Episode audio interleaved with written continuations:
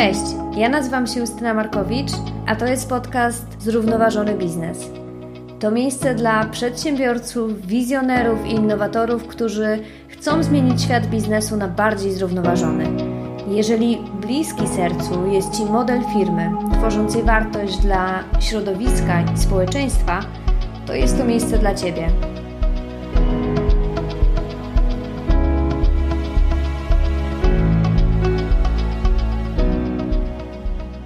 Cześć! Z moją gościnią spontanicznie wspomniałyśmy podczas tego odcinka raport Barometra z 2022 Edelmana i stwierdziłam, e, że warto w intro do tego odcinka zacząć właśnie od takiego krótkiego omówienia wybranych wyników tego e, wydanego w styczniu e, raportu. I tak, biznes kolejny rok z rzędu ma największe zaufanie, wyprzedzając NGOsy, rządy i media. To nie zmienia faktu, że czas pandemii sprawił, że mniej ufamy. Swoim pracodawcom e, wierzy 77% osób na świecie. Wierzymy w informacje, które otrzymujemy od swojego pracodawcy bardziej niż w te, które otrzymujemy od innych firm, organizacji, e, rządów czy mediów. Mówię to w odcinku, ale powtórzę i teraz. Jest to wielka odpowiedzialność dla wszystkich zaangażowanych w tworzenie komunikacji wewnętrznej i zewnętrznej. Kolejna rzecz. 68 badanych oczekuje, że osoby zarządzające w firmach wkroczą w miejsca, w których rząd nie domaga. 66% sądzi, że prezesi powinni lidować zmianę, a nie czekać, aż to rząd narzuci e, tę zmianę. I w końcu 65% z badanych sądzi, że prezesi powinni odpowiadać nie tylko przed Radą Nadzorczą czy akcjonariatem, ale również przed opinią publiczną. Dużo w tym odcinku mówimy o aktywizmie marek. I tutaj bardzo ciekawe dane e, daje nam kolejny raport e, firmy Edelman. Taki raport specjalny wydany w sierpniu tamtego roku z tytułem The Belief Driven Employee, czyli w takim moim niedoskonałym tłumaczeniu to będzie pracownik motywowany wartościami. I tutaj oczywiście gorąco zachęcam Was do lektury całości, ale wybrałam na, na poczet tego dzisiejszego intro e, kilka najważniejszych e, według mnie informacji. Dodam tylko, że badanie objęło 7 tysięcy osób pracujących w Brazylii, Chinach, e, Niemczech, Indiach, e, Japonii, e, Wielkiej Brytanii i Stanów Zjednoczonych. I tak, Badani wskazują jako najważniejszego interesariusza firmy pracowników. I jest to zmiana w stosunku do badania, które było zrealizowane w styczniu przed pandemią w 2020 roku, gdzie wtedy yy, badani wskazywali, że najważniejszym interesariuszem jest klient. 60% uważa, że w porównaniu do czasu przed pandemią pracownicy mają teraz większą władzę i wpływ jeżeli chodzi o zmiany zachodzące w organizacji. 61% osób zbadanych decyduje się odejść, wybiera danego pracodawcę bądź unika, albo zastanawia się nad potencjalnym pracodawcą na podstawie swoich e, wartości i przekonań. 76% podejmuje działania, aby wprowadzić konieczne zmiany w swojej organizacji. Część z nich, aż 40%, jest skłonna zrobić to na zewnątrz, czyli na przykład zgłosić to przez system zgłaszania nieprawidłowości, e, whistleblower, e, wziąć udział w strajku na zewnątrz, czasowo wstrzymać się od pracy, lub zaangażować się w kampanię w social mediach. I to, co też jest ważne e, w tym raporcie, to to, że Większy wpływ społeczny jest silnym oczekiwaniem dla większości osób poszukujących pracy, e, dlatego warto skoncentrować swoją e, strategię biznesową i employer branding na swoich zobowiązaniach, takich jak właśnie środowisko, wyzwania społeczne, opieka zdrowotna czy, czy zarządzanie różnorodnością. Myślę, że, że te badania dają bardzo fajny y, i ciekawy kontekst pod naszą dzisiejszą rozmowę, której moja gościni dotyka wielu wątków, między innymi jak może wyglądać model komunikacji y, firmy odpowiedzialnej i zrównoważonej, czym są y, green marketing, brand activism i marketing zaangażowany społecznie, jak się różnią, jak komunikować się w tym ważnym procesie zmiany, w momencie, gdy Twoja firma zdecyduje się mm, na taką transformację w stronę bycia bardziej zrównoważoną, odpowiedzialną, czego unikać realizując brand activism i w końcu jak komunikują się najlepsi. Moja dzisiejsza gościni to Dominika Lenkowska-Piechocka, E, Dominika jest ekoaktywistką, blogerką, facilitatorką, twórczynią Cool Save the Planet, firmy, która wspiera organizacje w dążeniu do zrównoważonego rozwoju i w komunikacji projektów e, CSR-owych. Dominika wystąpiła też w TEDxie oraz jest ekspertką programu Climate Leadership Powered by UN Environment, a także specjalistką od komunikacji z długoletnim wszechstronnym doświadczeniem w strategicznym e, doradztwie. Mm, zapraszam więc Was y, gorąco do, do wysłuchania tej rozmowy. Bardzo się cieszę, że przyjąłeś zaproszenie do podcastu y, i cieszę się, że możemy porozmawiać o y, komunikacji. Tak, ja też się bardzo cieszę, Justyna. I chciałabym zacząć od takiego dość mocnego, dużego pytania, takiej kobyły. Nie ma firmy, która nie komunikuje się jakoś ze światem. Każda firma to w jakiś sposób robi. Natomiast my dzisiaj będziemy rozmawiać o komunikacji firm które dbają o świat, e, które nazywają się zrównoważonymi bądź też e, odpowiedzialnymi. I chciałabym Cię zapytać o fundamenty.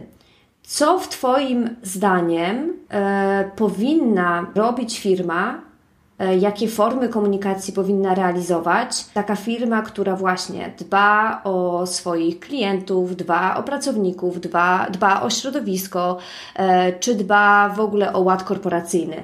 Jak powinien, jak powinien wyglądać ten e, model komunikacji? Mhm. A, więc przede wszystkim z mojego punktu widzenia idealny model tej komunikacji to będzie taki model, który wie, że będzie dopasowany do danej organizacji czy i do danej kultury tej organizacji, bo mam takie poczucie, że narzędzia czy kanały komunikacji, które sprawdzają się idealnie, dobrze y, w jednej firmie, w drugiej po prostu będą y, kulawe, tak? E, więc, y, więc gdybym miała, ale natomiast mamy na pewno jakieś takie ramy, o których których e, mogłabym mówić, e, jeżeli ktoś by mnie pytał właśnie o te kierunki, e, które, w które trzeba pójść, jeżeli chcemy dobrze komunikować. I takim pierwszym krokiem na pewno jest zrozumieć odbiorcę. I tutaj mówię o wszystkich interesariuszach, do których będziemy komunikować, czy pracownicy, czy nasi klienci, czy partnerzy biznesowi. Firma czy zespół komunikacji powinien rozumieć, gdzie i skąd nasi interesariusze czerpią informacje, czerpią wiedzę, ale też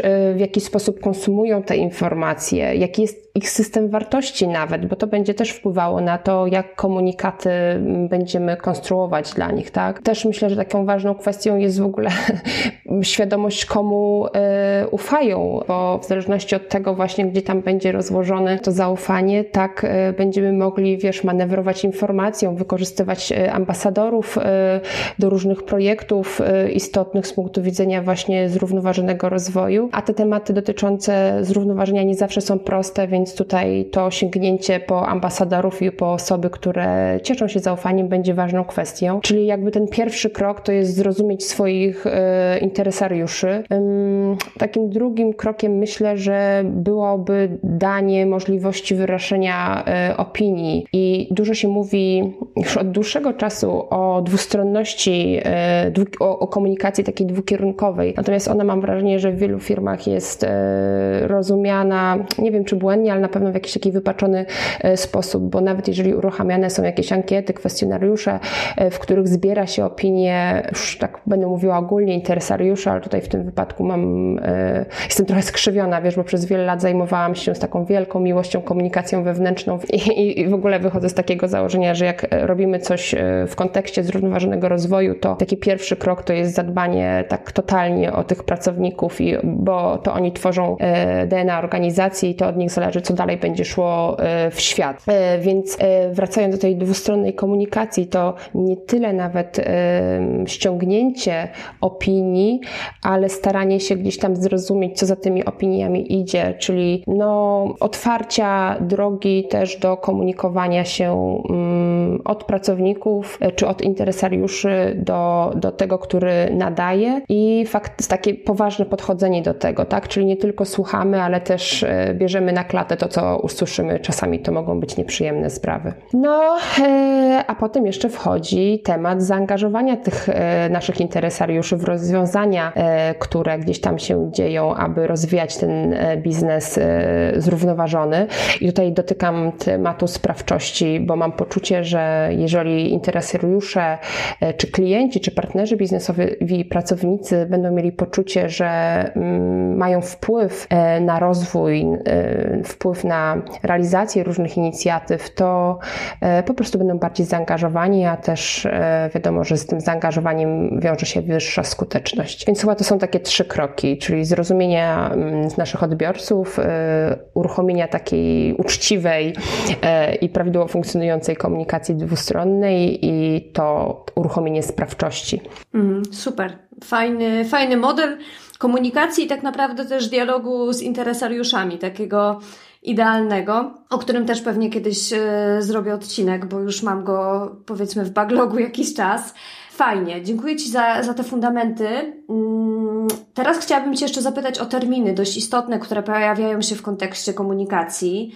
E, są to terminy typu green marketing, e, brand activism, też bardzo popularny ostatnio, czy marketing zaangażowany społecznie, inaczej po angielsku cause related marketing. Gdybyś mogła nam trochę naświetlić te terminy, może podać jakieś, pokazać jakieś różnice między, między nimi, bo często one są też mieszane tak naprawdę. Mm-hmm, mm-hmm.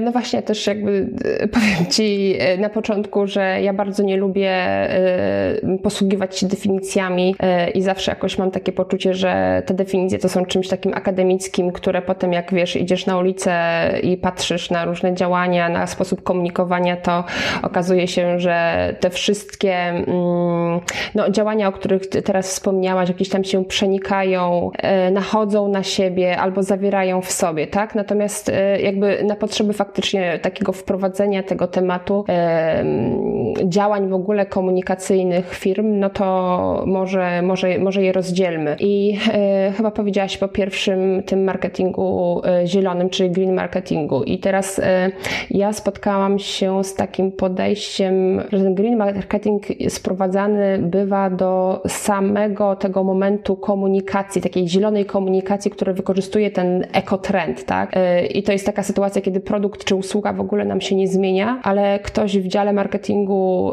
czy komunikacji załapał, że teraz na fali ekotrendu może zmodyfikować trochę ten sposób komunikacji i dokleja w przekazach e, zielony kolor, zielone inicjatywy, tak upraszczając i jedzie ze sprzedażą i patrzy jak tam słupki wzrastają. Tymczasem, kiedy w ogóle jakby cofamy się do podstaw, to no, ten marketing to jest wszystko to, co e, wspiera sprzedaż, a zielony marketing to będzie wszystko to, co wspiera sprzedaż takich produktów, które są, mm, no, szukam słowa, albo bezpieczne, takie może neutralne, a może nawet e, z pozytywnym takim impaktem na środowisko. E, no i ten zielony marketing będzie obejmował, wiesz, taki pełen zakres działań i nie tylko tą reklamę, która powinna być no, odpowiednio mm, do, dopracowana, e, żeby, żeby stanęła na wysokości zadania, natomiast będzie też dotyczył mm, modyfikacji samego produktu czy usługi, tak, w taki sposób właśnie, żeby on miał mniejszy wpływ ten negatywny na środowisko.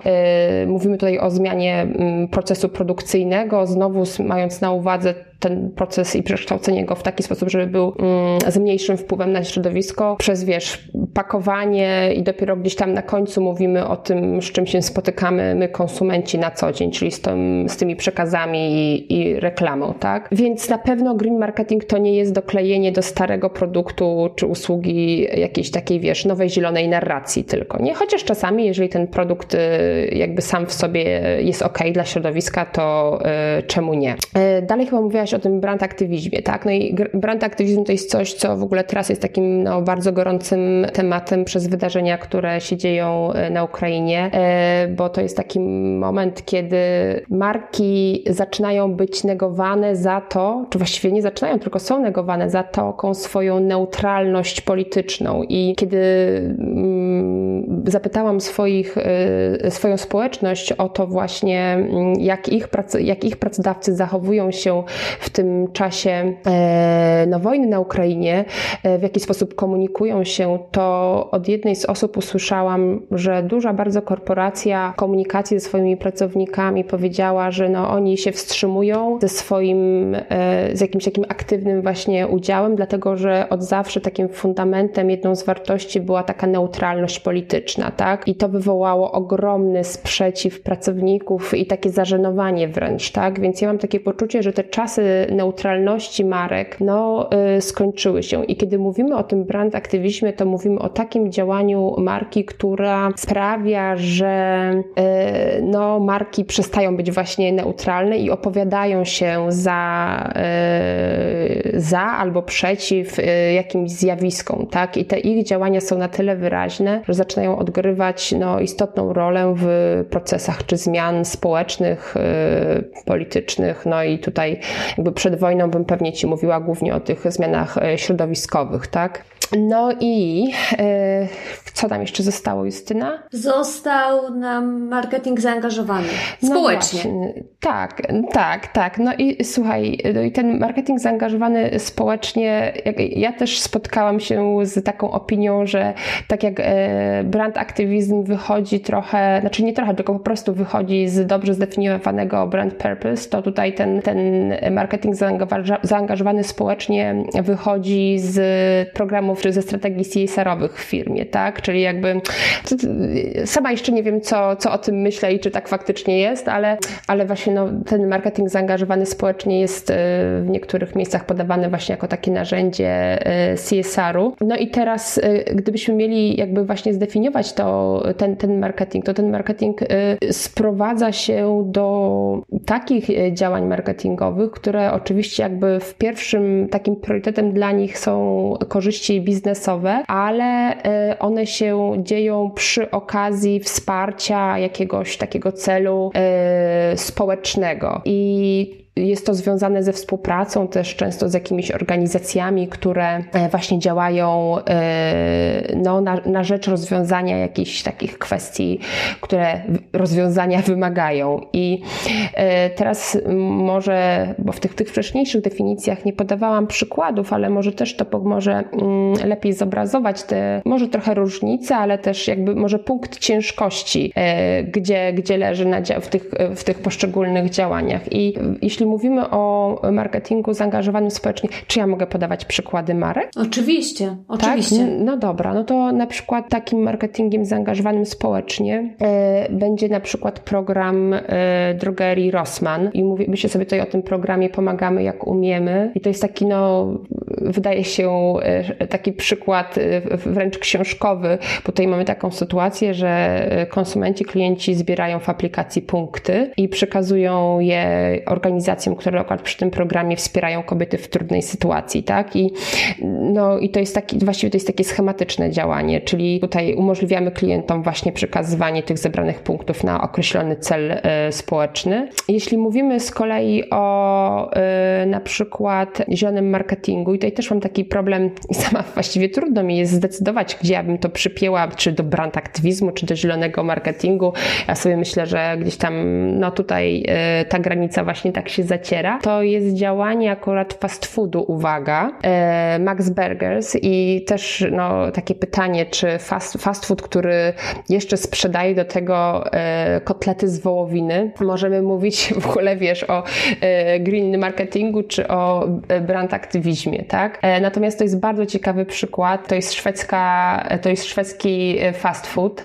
Powiedz, czy ile razy on był omawiany w Twoim podcaście, bo też nie wiem, jak się rozwlekać nad tym. Wiesz co, nie był jeszcze, o. więc yy, dajesz. Okej, okay. więc to jest taki przykład właśnie szwedzkiego fast foodu, no, który właściciel e, miał taką wysoką ambicję, dużą ambicję, żeby jego e, sieć stała się właśnie przyjazna środowisku. No i umówmy się, jeżeli się sprzedaje e, hamburgery, które no, słyną z tego, że są z wołowiny, a wołowina no to jest, wiesz, tych 60 kg dwutlenku węgla na kilogram, więc no kurczę, co zrobić, żeby to było przyjazne środowisku. Więc tutaj te, takie działanie, które myślę, że nie wymagało zbyt dużego wysiłku ze strony właśnie tego fast foodu, to było dodanie na mm, menu, menu, właściwie podzielenie menu na to menu tradycyjne i na to menu, które no, jest przyjazne dla środowiska. I jakby sam fakt uruchomienia takiego myślenia wśród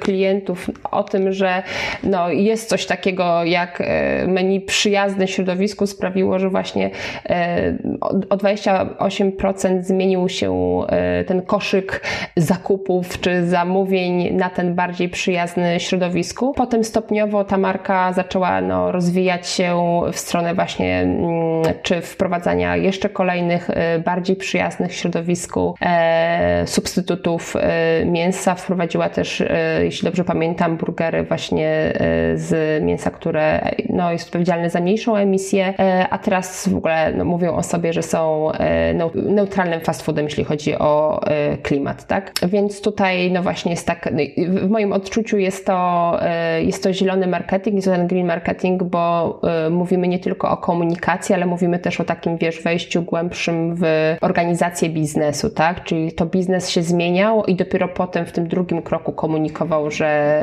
robi coś dla planety. Mhm, mhm, dokładnie. To myślę, że teraz jeszcze mm, jestem winna przykład e, e, z obszaru brand aktywizmu i teraz myślę, że to będzie większość działań, które są podejmowane przez e, firmy międzynarodowe teraz w właśnie kontekście wojny, dlatego że żeby wycofać się z Rosji, z tego rynku, to oczywiście w sytuacji, kiedy gdzieś tam ta decyzja jest związana ze zrezygnacją z rynku, gdzie mamy małe udziały w przychodzie, no to nie jest jak, czymś, jakimś szczególnym wyrzeczeniem, ale jeżeli mówimy o firmach, które no, mają dosyć duży rynek tam, a jednak decydują się na e, wstrzymanie działalności, no to myślę, że już to jest takie wyraźne powiedzenie i opowiedzenie się po e, czyjejś ze stron, a też mamy przykład takiego no, negatywnego brand e, aktywizmu w postaci chociażby ostatnio tutaj działań czy Auchan, Decathlonu i Leroy Merlin no, z francuskim kapitałem, ale myślę, że tutaj, żeby przeanalizować działania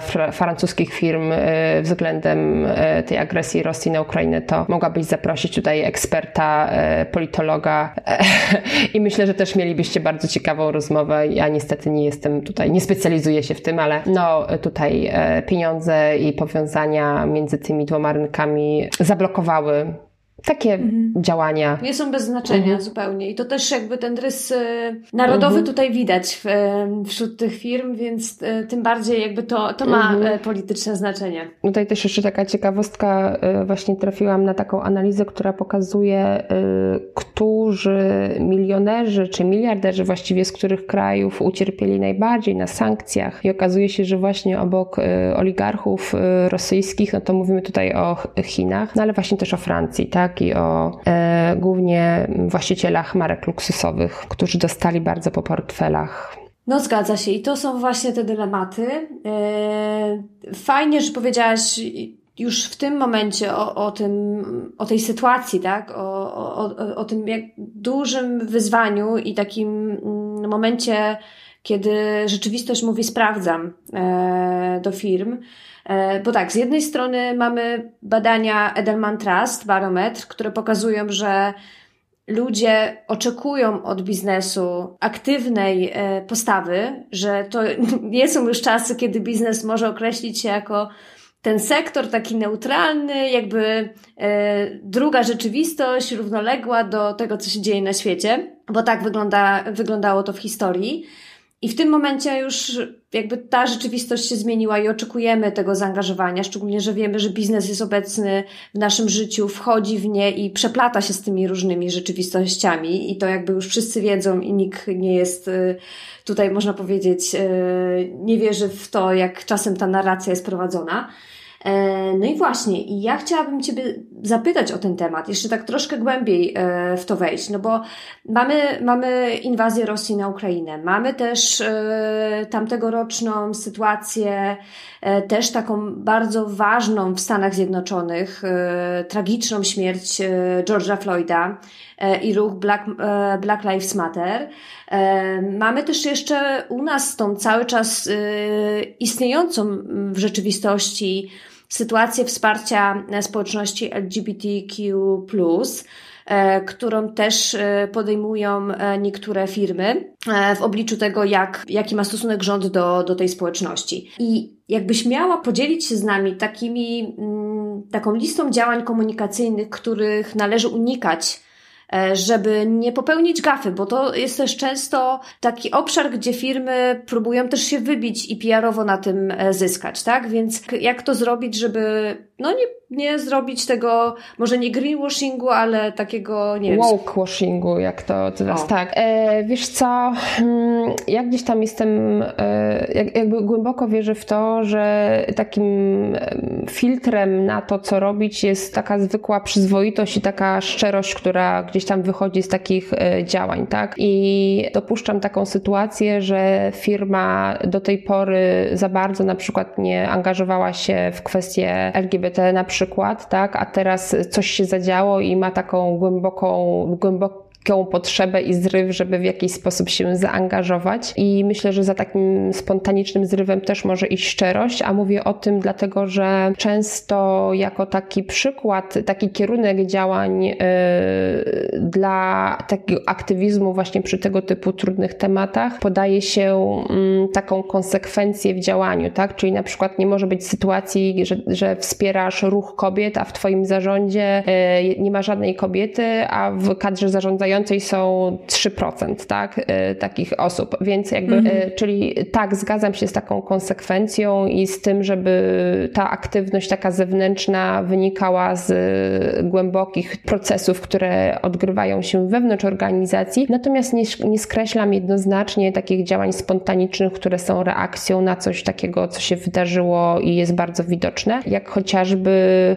że tak czas mi leci, nie wiem kiedy to właściwie było, ale mm, kiedy mówimy tutaj o Marszu y, Kobiet i tym Justyna, to było dwa lata temu, czy to było trzy lata temu? Mi się wydaje, że to już było trzy lata temu. No widzisz, e, więc jakby ten zryw wielu firm, które wcześniej nawet za bardzo się nie angażowały właśnie w takie tematy związane no, z mm, możliwością samostanowienia się e, kobiet o, o naszym ciele, tak? E, zaangażowały się i mm, myślę, że to były takie działania cenne, wsparciowe dla, dla tych wszystkich kobiet, które faktycznie no, gdzieś tam angażowały się i były aktywnymi uczestnikami e, marszu. Wracając do tego Twojego pytania, jak wyglądałaby lista tak, tych działań, czego, czego unikać? Grzebię sobie jeszcze w pamięci.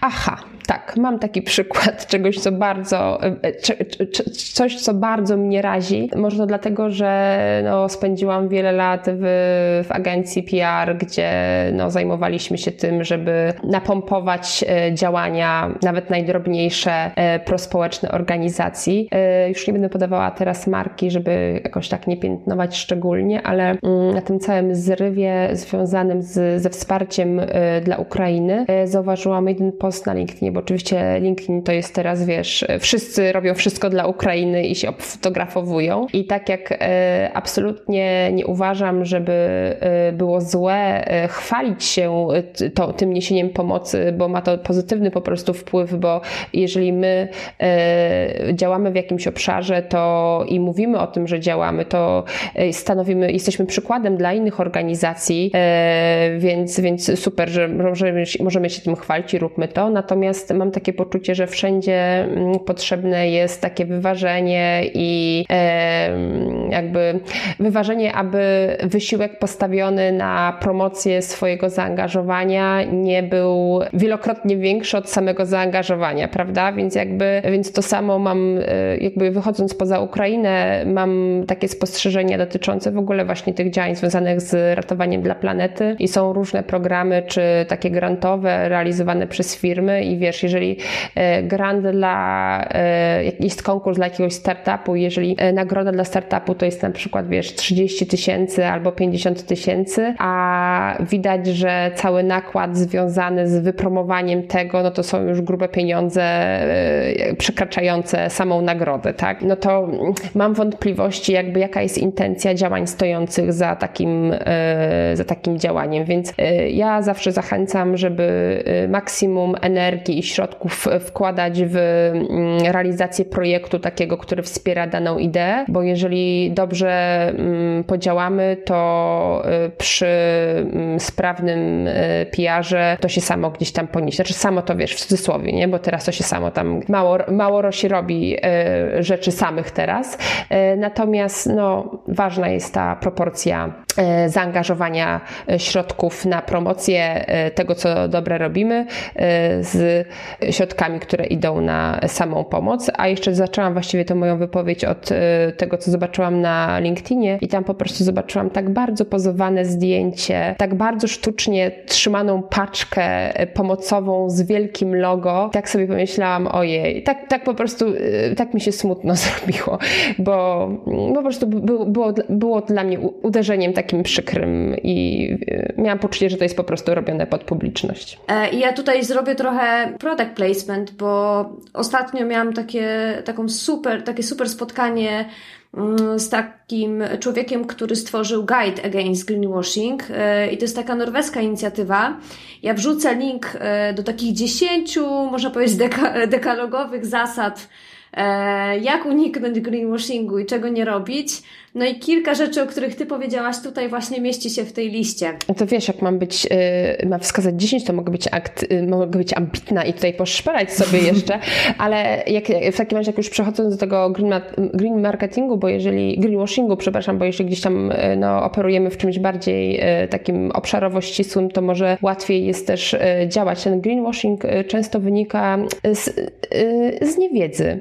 I ja ostatnio też już, znowu nie będę podawała tytułu e, magazynu, ale dla marketingowców był poświęcony cała duża część e, no, CSR-owi i działaniom właśnie komunikacyjnym, o których dzisiaj rozmawiamy. I były tam artykuły mm, pisane przez ludzi z agencji i też przez ludzi akurat marketingowców z danych marek. I powiem Ci, że to było tak przykro czytać mi akurat jeden właśnie z tych artykułów czytanych przez marketingowców, ponieważ mm, opowiadało o, o, działaniach właśnie CSR-owych na rzecz społeczności, ale cały czas wskaźniki sukcesu były zapięte nie na ten efekt społecznościowy, tak, tylko na efekt sprzedażowy. Mm -hmm. I, i, I, miałam takie, wiesz, pogubienie, że ojej, że no dalej jest to taki wyraźny, że to akurat konkretne działanie było takim wyraźnym, e, no, e, no miało po prostu cel sprzedażowy, tak, a nie było to, to, to takie równe. Ale też ja sobie myślę, bo akurat tam autorką była dosyć młoda osoba, i myślę sobie, że to mm, może wynikało trochę z takiej niewiedzy, że wiesz, że czasami ktoś ma zadanie, dostaje zadanie, żeby przygotować jakąś fajną kampanię, bo teraz mamy ekotrend, no to coś zróbmy. A teraz y, moje pytanie jest takie, że jak często zdarza się, że działania takie właśnie eko są weryfikowane przez kogoś, kto potrafi liczyć i albo potrafi liczyć taki wpływ środowiskowy. Bardzo często się zdarza teraz, że właśnie firmy reklamują się, że y, przechodzą na papierowe y, opakowania na przykład, tak? czy właśnie na kartony, a gdybyśmy gdzieś tam pogrzebali sobie e, głębiej, to okaże się, że nie zawsze ten, e, ten, ten papier będzie bardziej ekologicznym rozwiązaniem, bo są sytuacje, gdzie mm, plastik będzie nawet lepszy, tak? Bo ja tutaj, ale niestety w świadomości teraz mamy tak, że e, plastik jest no, bezwzględnie zły, a papier jest dobry, prawda? I teraz też no, niestety ta ekologia ma wiele odcieni szarości i jeżeli ktoś projektuje działania właśnie e, green marketingowe, no to ważne, żeby zawsze przepuścił to przez e, taki filtr kogoś, kto potrafi spojrzeć i sprawdzić, czy tam nie ma jakiejś ekościemy. Dokładnie. No, żeby jeszcze dodać przykładów, dużo firm teraz mówi i używa określeń typu neutralność e, klimatyczna czy węglowa. No i Greenwashingiem też jest użycie tylko tego określenia bez podania, co jest pod spodem, tak? Czyli dokładnie podzielenia się transparentną informacją okej, okay, no to jakie są nasze emisje, y, skąd mamy, czy, czy robimy offsetting y, i pokazanie tak naprawdę transparentnie całego, e, całego raportu. W innym przypadku to znowu będzie greenwashing. Dajemy jakąś naklejkę, mm, jakiś jeden certyfikat y, i zakładamy, że to jest tak naprawdę tyle tej naszej komunikacji. No, tego już i nikt nie kupi, ale też to po prostu jest nieautentyczne i niemoralne, tak? No, jest tak jak się zgodzę z tą drugą częścią Twojej wypowiedzi, to e, co do tej, czy tego nikt nie kupi, no to mam duże wątpliwości, bo jednak wiesz, my się poruszamy w takiej bańce e, osób, które są no, bardzo zafiksowane na tematach czy zrównoważonego rozwoju, mm. czy właśnie ekologii, ale wiesz, wystarczy gdzieś tam wyjść dalej, żeby się okazało, że my naprawdę jesteśmy w bańce i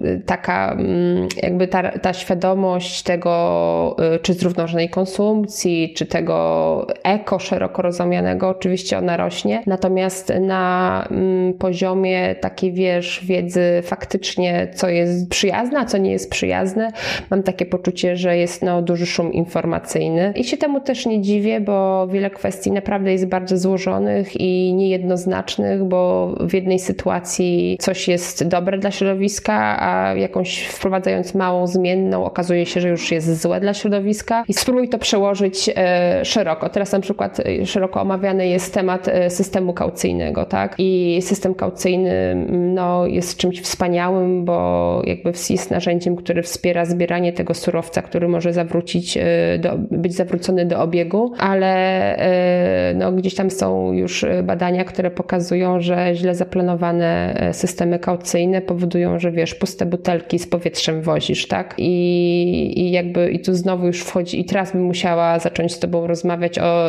technikaliach i liczeniach i kiedy i zobacz jakby gdzie jest jakby gdzie się kończy ta percepcja przeciętnego Kowalskiego i Kowalskiej w rozmowie e, na temat właśnie tego, co jest eko, co nie. Zobacz, taka prosta rzecz, znaczy prosta w cudzysłowie, dotycząca segregacji śmieci czy odpadów, chyba powinniśmy lepiej powiedzieć. Kilka zasad, e, kilka koszy, a dalej ile jest wątpliwości, więc wiesz, a to jest tylko jakiś ułamek ogromnego tematu, jakim jest e, ekologia. Więc trudna sprawa. Tak, ja się zgadzam. E, cofam, wymazuję. Cieszę się.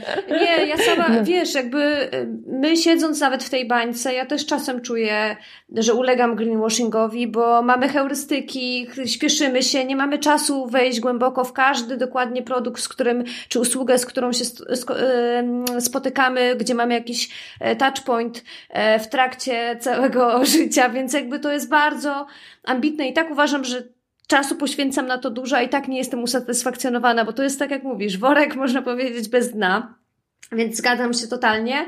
E, no ale właśnie też naszą rolą, bardzo dużą e, osób, które siedzą w tym jest pokazywanie, wskazywaniem, też wskazywanie palcem na, na działania, które są nieodpowiednie e, i edukowanie, więc tym się zajmujemy, to robimy i, i, i też ja bardzo tutaj chylę czoła przed aktywistami, aktywistkami, ponieważ uważam, że są bardzo ważni, ważni interesariusze i czasami chociaż ich działania wydają się mocno no, radykalne, to takie działania są po prostu potrzebne. To też jest moja opinia. Nie będę może tutaj wchodzić głębiej już to i Ciebie ciągnąć za język, bo mam sporo jeszcze pytań, które chciałabym Ci zadać e, odnośnie komunikacji. E, no i właśnie, mamy firmy i już powiedziałaś trochę o tym, ujęłaś trochę, jakby nakreśliłaś ten temat. Powiedziałaś, że są firmy, które czasami i teraz coraz częściej to się dzieje, że sobie zdają sprawę, że muszą coś zmienić w swoim e, business e, as usual, że chcą jakoś transformować siebie i to e, jest bardzo ważne w kontekście tego, żeby najpierw rzeczywiście popracować nad sobą, nad swoją firmą, popracować swoimi pracownikami, a dopiero później wyjść na zewnątrz. I to jest to, co powiedziałaś w, pierwszym, w pierwszej odpowiedzi.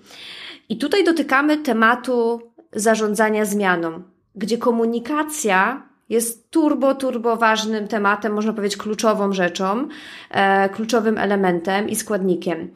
Jak, e, jakie Ty masz rady, jeżeli chodzi o zarządzanie zmianą i tą komunikacją e, w firmie, która właśnie zdecydowała się, czy, czy czy zaczyna zmieniać się od środka. Mhm. A czy ja mogę z anegdotą wyjść, taką mało śmieszną Bardzo na początek? proszę. Ta anegdota będzie związana z takim pierwszym punktem, o którym no, chciałabym powiedzieć, yy, czyli o, to będzie anegdota o mindsetie, yy, odpowiednim mindsetie kadry zarządzającej, kierowniczej. Jakiś czas temu, no niedawno, byłam na konferencji, gdzie byli yy, przedstawiciele, yy, szefowie zespołów komunikacji, dyrektorzy, yy, czasami w randze yy, zarządu nawet, tak? I e, obserwowałam taką sytuację, gdzie właśnie szef e, takiego działu firmy, która jest nagradzana, jeśli chodzi o zrównoważony właśnie rozwój, za raporty, za, za działania i faktycznie te działania są takie, no e, nawet no, bardzo innowacyjne na polskim rynku i wyznaczają trendy dla swojej konkurencji, czy dla firm, które są w branży i które je obserwują. Natomiast ta osoba, ten, ten szef danego mm, komunikacji w tej firmie, podczas przerwy e, po kawę poszedł i przyniósł sobie kawę, jak myślisz Justyna, w czym? No, w kubku jednorazowym. Tak, prawie masz rację, bo przyniósł ją w dwóch kubkach. Jeden włożył w drugi, bo kawa go parzyła. I przy czym jakby chciałabym bardzo zaznaczyć, ja to nawet nie jest e, mój problem z tym, że nie miał swojego wielorazowego, no bo wiesz, mógł zapomnieć cokolwiek, ale przy kawie, przy źródle kawy były, e, wiesz, dwie kubki. Jedna była kubka e, zwykłych ceramicznych, a, a druga kubka to była właśnie tych kubków, o których rozmawialiśmy. I teraz a, a ta osoba przed chwilą opowiadała o tym i miała prezentację między innymi właśnie o działaniach, które firma robi na rzecz e, eko. I powiedz mi, gdzie jest tutaj spójność, no. tak? Przykre. I to jest, to jest po prostu przykre. I oczywiście być może ta anegdota jest e, jakby bazuje na zupełnie przypadkowej sytuacji. Może był jakiś ukryty powód, którego ja nie dojrzałam, e, no ale jest dobrym tematem do anegdoty, prawda? I właśnie do tej rozmowy o tym, do, do wprowadzenia, czyli o tym mindsetie kadry zarządzającej. I ja, jeżeli miałabym zaczynać, czy nawet może nie tyle zaczynać, ale zrobić sobie taki trochę reset, bo czasami być może jest to potrzebne, to zastanowiłabym właśnie się nad takim działaniem, które y, tak ustawi i tak sformatuje myślenie zarządu i tej kadry zarządzającej całą organizacją, aby y, myślenie właśnie zarządu o sprawach związanych ze zrównoważonym y, rozwojem było takie, jak to powinno być, tak? Żebyśmy nie mieli takiego, takiej sytuacji, że obserwujemy, jak ryba psuje się od głowy. I często zdarzają się takie sytuacje, szczególnie w tych spółkach, które gdzieś tam mają, są rozrzucone po całym świecie, że przychodzi e, do spółki w Polsce jakieś zarządzenie związane z tym, że no dobra, to wdrażamy teraz e, zasady zrównoważonego rozwoju albo e, robimy sobie jakąś neutralność klimatyczną właśnie w jakiejś perspektywie. No i ta spółka w Polsce w jakiś sposób próbuje to no, wprowadzić to, co przyszło z góry, tak? I z jakim skutkiem. No to zależy oczywiście od tego, jak poważnie kadra kierownicza do tego podchodzi i z jaką atencją i co tam się będzie działo Y, u nich w głowach, tak? Czyli formatujemy, wiesz, układamy odpowiednio y, zarząd i potrząsamy tym zarządem, a potem y, niżej kadrą kierowniczą. I e, takim kolejnym krokiem myślę, żeby było właśnie zbudowanie zaangażowanego zespołu, który pociągnie w ogóle tą transformację i to, od czego bym od, odciągała, to jest wskazywanie palcem osób, które miałyby taki, e, taki zespół poprowadzić. E, bardzo fajnie się sprawdzają takie rekrutacje wewnętrzne które pokazują, czym będziemy się zajmować i właśnie mm, poprzez y, rekrutację wewnętrzną y, komponować taki zespół, który będzie oczywiście zróżnicowany, będzie się składał z osób z różnych e, zespołów i potem właśnie taki zespół miałby prowadzić tą, ciągnąć transformację i prosty powód jest e, taki, że no, ten temat jest bardzo wrażliwym e, tematem, szczególnie jeżeli wchodzimy w treści związane z mm, z zielonością i ze zmianami klimatu. I teraz zobacz, firma, szczególnie taka firma, która jest większą organizacją, to jest e, właściwie takie małe społeczeństwo polskie, tak? Jeszcze jeżeli weźmiemy pod uwagę, że yy, no, niektóre spółki mają oddziały rozrzucone po całej Polsce, mamy różne mm, opinie yy, dotyczące polityki i środowiskowej, i państwa, i no, musimy wziąć pod uwagę, że yy, trochę walczymy z czymś, co może mieć oponentów w organizacji, tak? Więc jeżeli tak zbudujemy ten zespół z osób, które no, same się zgłosiły do tematu, to już mamy, możemy mieć no, nadzieję na to, że te osoby, które się zgłosiły, są zaangażowane w temat, więc po prostu lepiej go poprowadzą. Dalej mówimy oczywiście, mając już taki, wiesz, mamy już zarząd, który naprawdę czuje, że chce to robić. Mamy ten zespół, e, pozytywnie mówię, oszołomów, które mają, którzy chcą na te tory pozytywne przenieść e, swoją firmę, no to potem musimy wiedzieć, z czym my w ogóle, wiesz, mamy do czynienia, tak? Bo e, musimy zrobić po prostu audyt obecnej sytuacji i przeanalizować no, ten wpływ organizacji na społeczeństwo, na środowisko naturalne, no ale też z drugiej strony musimy zbadać właśnie z jakimi interesariuszami mamy do czynienia, co oni wiedzą, jak, jaki oni mają stosunek, e, co oni myślą w ogóle o tym, e, co my chcemy zrobić w organizacji i co jeszcze. No a potem oczywiście, jak już będziemy mieli dobrze przeanalizowane e, ten, ten nasze obszary wpływu, no to musimy do plan do, do tego dopiąć, tak? I bardzo często niestety ten etap audytu jest pomijany z różnych względów. Po pierwsze, to jest czasochłonne, to jest też, no, wymaga jakichś nakładów finansowych, natomiast mam takie poczucie, że bez e, takiego, wiesz, podrzucenia kart do góry i sprawdzenia i poukładania tego od początku, ale właśnie na bazie rzetelnych informacji, czyli liczb, e, no to trudno potem e, działać, wiesz, w, w stronę zrównoważonego rozwoju, jak nie wiemy, z jakiego punktu startujemy. Mhm, dokładnie. A też tego ludzie wewnątrz nie kupią, bo będą wiedzieć, że zadanie domowe nie zostało odrabione i firma po prostu ma dużo e, obszarów jeszcze do zagospodarowania, bo tutaj rozmawiamy o wpływie we wszystkich wymiarach, tak jak wspomniałaś, e, społeczeństwo, środowisko, ale też wpływ na pracowników, więc tutaj firma też nie jest zwolniona z tego, żeby e, być fair w stosunku do, do swoich ludzi, i to też jest bardzo ważny obszar, więc oni muszą czuć, że, że oni też są zaopiekowani tak. w tym wszystkim.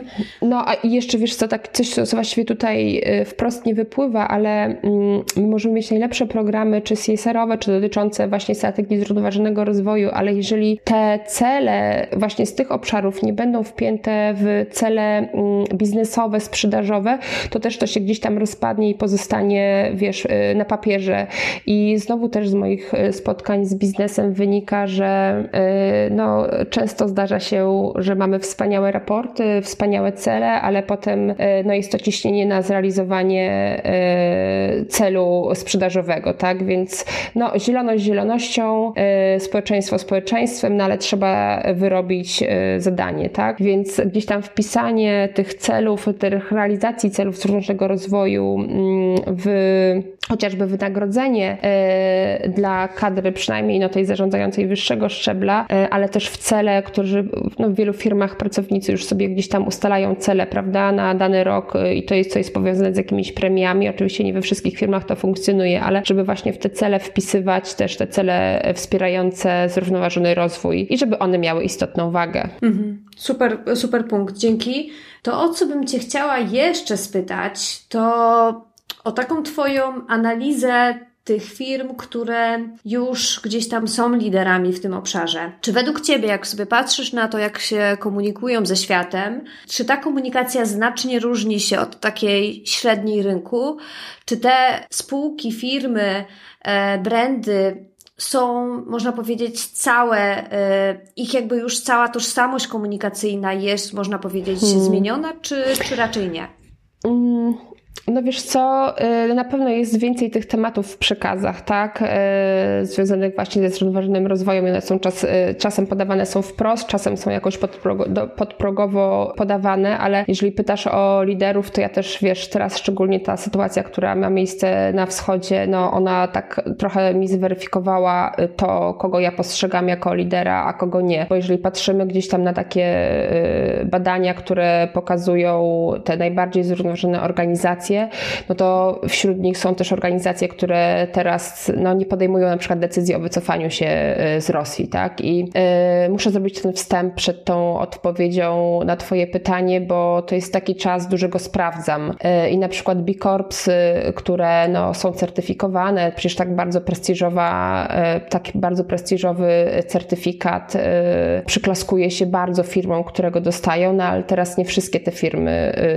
wycofały się. Ja wiem, że to nie jest czarno-białe i jest to no, z zewnątrz szczególnie organizacji, no ta decyzja o wycofaniu się może być prosta, ale jak tak wejdziemy do wewnątrz, to okazuje się, że jest tam gdzieś po drodze wiele przeszkód e, dla, do jej podjęcia, ale mam taki problem w określeniu, kto jest teraz e, tym liderem zrównoważonego rozwoju, tak? Wiesz, e, spójrz na lody Ben Jerry's które, no Boże, przecież to jest brand aktywistyczna marka na przykład, prawda? E, no a jeszcze chwilę temu e, no na przykład upominały rząd amerykański e, w kwestii, w angażowanie się gdzieś tam w kwestie wokół Rosji, a potem przy wybuchu wojny zamilkły i się do tego w ogóle nie ustosunkowały, a są aktywne bardzo w innych tematach, tak? Więc wiesz, jak ja, ja nie, nie rozumiem tego i wiesz, też będąc na zewnątrz organizacji tych. Nie mam dostępu do pełnych danych, więc teraz mam taki wielki znak zapytania. Ale żeby nie przynudzać i żeby odpowiedzieć na to Twoje pytanie, e, to myślę, że to, co na pewno widać w tych markach, to jest to, że one są niezwykle czule na to, co czują ich odbiorcy właśnie, tak? Więc one pięknie wyłapują to, e, co gra w duszach konsumentów, klientów, interesariuszy i właśnie e, pod, podbijają ten element i wykorzystują go w swojej komunikacji, w swoich, w swoich działaniach.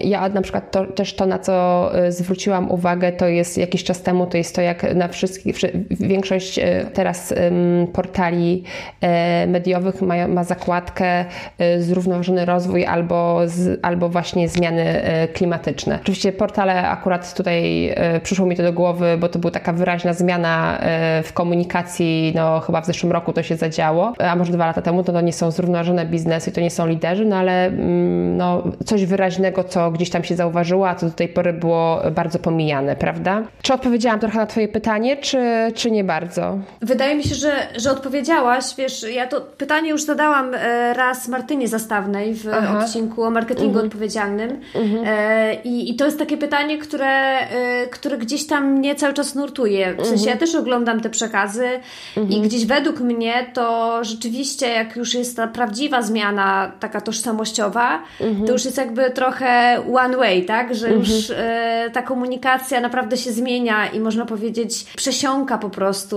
ten temat, e, można powiedzieć, wyzwań mhm. e, środowiskowych i społecznych, tę komunikację, ale wiesz, ja zawsze chętnie też słucham po prostu tego, co Wy macie do powiedzenia, no bo to jest wasza, wasz obszar ekspertyzy.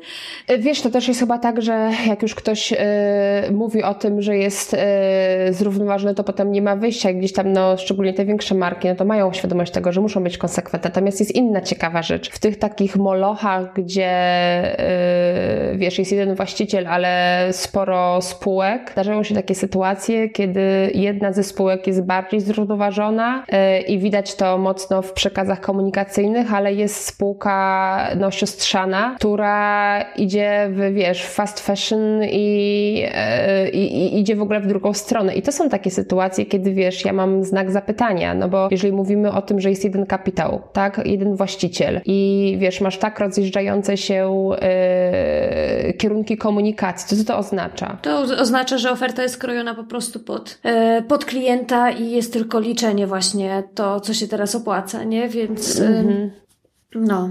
no. No właśnie, ja mam wątpliwości i teraz wiesz, jakby dalej my w Polsce i w ogóle na świecie, chciałam powiedzieć, że w Polsce jesteśmy tacy niedojrzali, jeśli chodzi o tego, to postrzeganie, co jest zrównoważone, a co nie jest zrównoważone. I często cieszymy się e, z jakiegoś małego gestu, małego, no tak w cudzysłowie, w cudzysłowie tak, ale gestu firmy, e, bo on się wyróżnia na tle tego, co robią inni, tylko że gdzieś tam wiesz, co jest tym punktem odniesienia dla nas, tak? I ile my mamy czasu na to, żeby cieszyć się z tych małych takich zmian. Natomiast no ja uważam, że to jest nieuczciwe po prostu, jeżeli mamy jednego właściciela i w ramach tego jednego kapitału mamy spółki, które jedne żerują po prostu na właśnie fast fashion i na jakichś takich stereotypach, a mhm. z drugiej strony mamy firmę, która wiesz, chwali się y, raportem i dostaje za niego nagrodę. Ach, no tak, to, to se ponarzekałyśmy, no. Tak, ale mam nadzieję, że z tego narzekania też konstruktywne wnioski yy, słuchaczki i słuchacze wyniosą. Mhm. Chciałabym Cię zapytać, yy, czy masz jakąś taką yy, firmę mhm. albo inicjatywę komunikacyjną, którą uważa, uważasz mhm. za majstersztyk? Którą chciałabyś pokazać jako, jako coś, co, z czego warto wziąć przykład, inspirować się? No to ja mam taką i to będzie Polska w ogóle. E, to będzie przykład z Polski. To nie jest jakaś super duża firma, ale to też nie jest mała firma. Oni bardzo dynamicznie się rozwijają i e, to jest też, e, i to są ubrania do oddania. Ja jestem, ja jestem zakochana w tym, jak oni prowadzą komunikację, biznes i jak właściwie jest pomieszanie tutaj tych takich celów społecznych, środowiskowych z celami biznesowymi, no bo umówmy się, no to nie jest charytatywna organizacja, tak?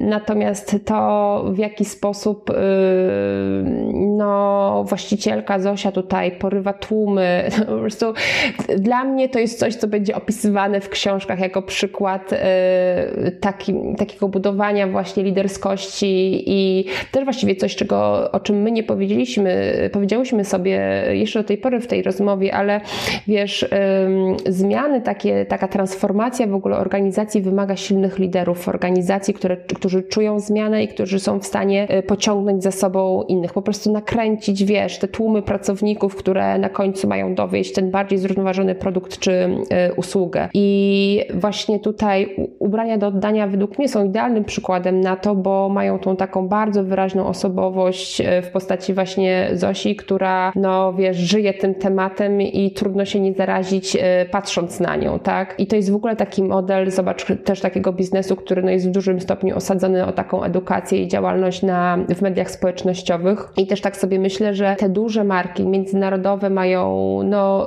kłopot, bo yy, dobrze by było, żeby miały taką Zosię u siebie, a to jest yy, trudne, bo jest duża fluktuacja pracowników. I też taka znowu moja obserwacja, która, wiesz, ja przez lata pracowałam dla takich bardzo dużych polskich spółek z polskim kapitałem, gdzie często w zarządzie byli również yy, prezesami właściciele mm, albo większościowi, albo całkowicie właściciele danych organizacji, a potem też no, pracowałam sporo w firmach, które są korporacjami międzynarodowymi, gdzie no, jest dużo tych szczebli, e, zanim się człowiek dojdzie do tego, wiesz, kogoś, kto ma kapitał i kto jest właścicielem. I to, co zauważyłam i co tak mnie uderzyło właśnie, to w tych firmach, gdzie u sterów jest e, ktoś, kto jest właścicielem, ta taka energia jest zupełnie inna, ta decyzyjność jest inna, ten taki, wiesz, porwanie ludzi za jakąś ideą jest in, inna, a w korporacjach, gdzie właśnie jest bardzo rozmyta ta odpowiedzialność i no, wiesz, zarządy się zmieniają, to mam wrażenie, że te, te spółki y, zaczynają być tymi liderami, gdzie no, mm, ci prezesi wrastają w te struktury i są bardzo blisko też y, osób, które są -hmm, właścicielami. Mhm. No jesteśmy w tym samym klubie Dominika, że tak powiem, fan mhm. klubie e, ubrania do oddania, no bo Pozdrawiamy. ja tak, e, uwielbiam, mhm. uwielbiam też i uważam, że no najbardziej autentyczna e, jakby właśnie komunikacja i, i taka, nie wiem jak to określić inaczej niż właśnie słowem autentyczność, ale też po prostu taka mhm. dobroć i, i, i przejęcie, nie? Prawdziwe i tak, zero tak. lukrowania, a właśnie takie też e, pozytywność we wszystkim, jakby w byciu realnym. Mhm. Więc, e, tak. więc świetny przykład i myślę, że wiele światowych e, firm mogłoby się mhm. uczyć od ubrania do oddania. No właśnie, ale to jest tak jak powiedziałam, że to jest e, trudne dla tych dużych. Marek, mhm. dużych. Po prostu to jest trudne i wiesz, teraz no często też mogłoby się zdarzyć, że nie wiem, jak osoby, które są odpowiedzialne za konkretną markę mogłyby być taką, y, taką twarzą, ale to jest niestałe, bo zaraz mogły być, wiesz, przejść do kolejnej marki, więc no, wiesz, no duże wyzwanie, duże wyzwanie, ale dlatego tak warto angażować się w działania z pracownikami, bo może duże firmy nie mają szansy mieć jednej Zosi, ale może, mogą mieć, wiesz, parę tysięcy takich ćwiartek Zosi albo, wiesz, w postaci właśnie pracowników. I teraz dużo się też mówi o tym, że to właśnie pracownicy są ambasadorami i zobacz, jeśli dobrze pamiętam, to właśnie też z tegorocznego mm, barometru Edelmana e, zaufania, tam chyba, tam była ta, chyba taka statystyka, że około 80-87%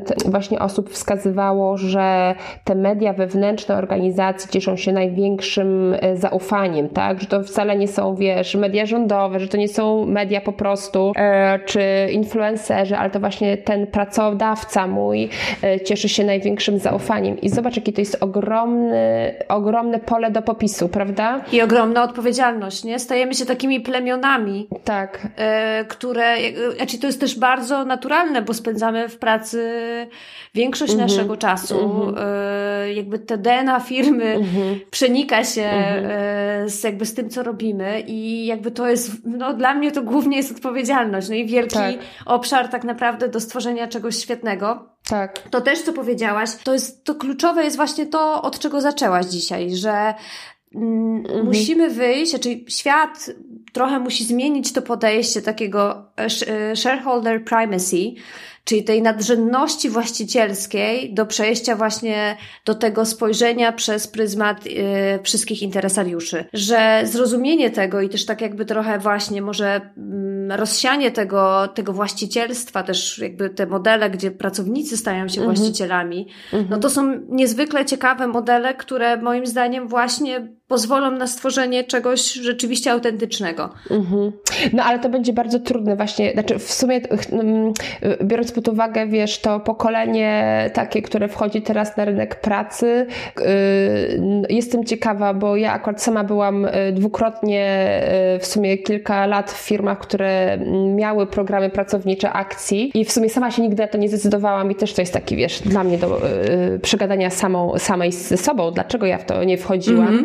Ale właśnie no, y, tak jak powiedziałeś, że z jednej strony to jest super, bo jestem bardziej odpowiedzialna za coś, do czego, y, czego jestem właścicielem, tak? A z drugiej strony jestem ciekawa, jak w tym układzie, w takim modelu by się zachowywało to mm, pokolenie najmłodsze, które no, taką dużą wolność sobie y, ceni i być może chciałoby skakać między jednej mhm. firmy a drugiej, no ale... Mm. No, ciekawe, to są no, ciekawe pytania. W ogóle... Yy... Tak, jeszcze jak mam sekundę, bo wiesz, jakby ja y, bardzo nie lubię takiego podejścia silosowego do organizacji, że tutaj y, mhm. wiesz, jest silos, nie wiem, ludzie z jakości, ktoś tam ze sprzedaży i ktoś z jeszcze, nie daj Boże, ze zrównoważonego rozwoju. I teraz każdy sobie myśli, że ja mam ten swój obszar, y, za który jestem odpowiedzialny, a, gdzieś, a mam poczucie głębokie, że ten zrównoważony biznes wymaga takiego przenikania się tych zespołów i tych działów, żeby rozumieć, co się dzieje w innych właśnie no, w, w tej jednej strukturze, ale w ramach innych działów i zespołów. I kiedy mówimy właśnie o komunikacji, to ludzie, którzy pracują w zespole komunikacji, bardzo powinni posiadać świetny odsłuch tego, co się dzieje w, firmie. I dużo się, znaczy, jak zaczynałam w ogóle swoją karierę, tak powiem, dumnie, komunikacji, no już kilkanaście lat temu to był e, taki czas, kiedy mówiło się właśnie o tym zespole PR-u jako takiej tubie zarządu. A ja mam takie poczucie, że ten zespół komunikacji powinno, powinien być taką tubą pracowników, tak? I jeżeli będzie dobry odsłuch tego, co się dzieje, to w organizacji, to po prostu będzie lepiej, łatwiej robić ten zrównoważony biznes. Totalnie się z Tobą zgadzam. E, więc dziękuję. Na sam koniec e, chciałabym Cię zapytać, Dominika, co Ty w tym momencie robisz e, i gdzie słuchaczki i słuchacze mogą Cię znaleźć? Mhm. No to w tym momencie yy, tak jak rozwijam Who Save the Planet i to się zrodziło z pomysłu na bloga gdzieś tam mm, świeżo upieczonej mamy, która chciała mówić światu o tym, że jest zakłada klimatyczna przed nami, że musimy coś robić, ale potem, yy, potem zaczęłam o tym myśleć w taki bardziej ustrukturyzowany sposób i teraz yy, to, na czym się koncentruję, to mam takie dwie nogi. Z jednej strony mam swój Instagram i tak staram się coraz coraz więcej też działać na LinkedInie, więc zapraszam na Instagrama i na LinkedIn Who Save the Planet, a na LinkedInie Dominika Lenkowska-Piechocka. I to jest super miejsce, bo ja mam po prostu odsłuch i mam wspaniałą społeczność, która często mi tutaj podsuwa insighty z korporacji, ale też swoje spojrzenie, spojrzenie konsumenckie, a z drugiej strony rozwijam Who Save the Planet i to jest no, taka bardzo malutka agencyjka, ale z założenia malutka i teraz właściwie tworzymy w pięć osób tutaj zespół i yy, mam takie poczucie, że bardzo się odróżniamy od tego, co jest na rynku, dlatego że ja od, po no, wielu latach w agencji i w korporacjach postanowiłam, że teraz chcę robić komunikację na swoich zasadach, więc yy, nie tykam niczego, co w moim odczuciu nie wpisuje się w zrównoważony yy, rozwój. A jeszcze w Campinosie można mnie spotkać, bo y, często jestem w Campinosie, więc jak ktoś miałby ochotę przybić ze mną piątkę, to zapraszam do Campinosu. No widzisz, ja mieszkam w Legionowie, więc jestem w tym innym lesie, więc y, kiedyś byłam częściej w mhm. Campinosie, mm -hmm. bo mieszkałam na Tarkowinie, mm -hmm. a teraz ten mój las y, jestem też jakby bardzo często, mm -hmm. praktycznie codziennie, więc... No, fajnie. Bardzo, bardzo Ci dziękuję za tą rozmowę. Myślę, że dużo fajnych treści. Cieszę się, Justyna. E, I liczę na spotkanie na żywo. No właśnie, ja właśnie sieję, słuchaj, e, rozsady, więc nie wiem, czy Ty ma, uprawiasz jakiś ogródek, może nawet balkonowy, ale wiesz, możemy się wymienić rozsadami. O, popatrz, to myślę, że warto. Ja może w tym e, roku się trochę poprawię i właśnie zajmę balkonem. Dobrze. Obiecuję tutaj u mnie w rodzinie, że, że będę miała więcej na to czasu, więc jak najbardziej. Mamy, mamy, mamy w takim cel. razie ustawkę. I dobra, dobra, super. Super, no. dzięki. Trzymaj dzięki, się. Dzięki Justyna, na razie, pa. Jeżeli cenisz podcast i włożoną w niego pracę, to gorąco zachęcam Cię do wsparcia podcastu na Patronite e, lub Buy Coffee. Linki znajdziesz w notatce do odcinka. Jeżeli czujesz, że podcast ten realnie wspiera rozwijanie zrównoważonego biznesu, poleć go dalej, by więcej osób i biznesów poznało tematykę, o której tutaj rozmawiamy. Śledź też kolejne odcinki e, na Instagramie, Facebooku, LinkedInie i subskrybuj na Spotify i YouTubie. Każda miła reakcja jest dla mnie informacją, że to, co robię, e, ma sens.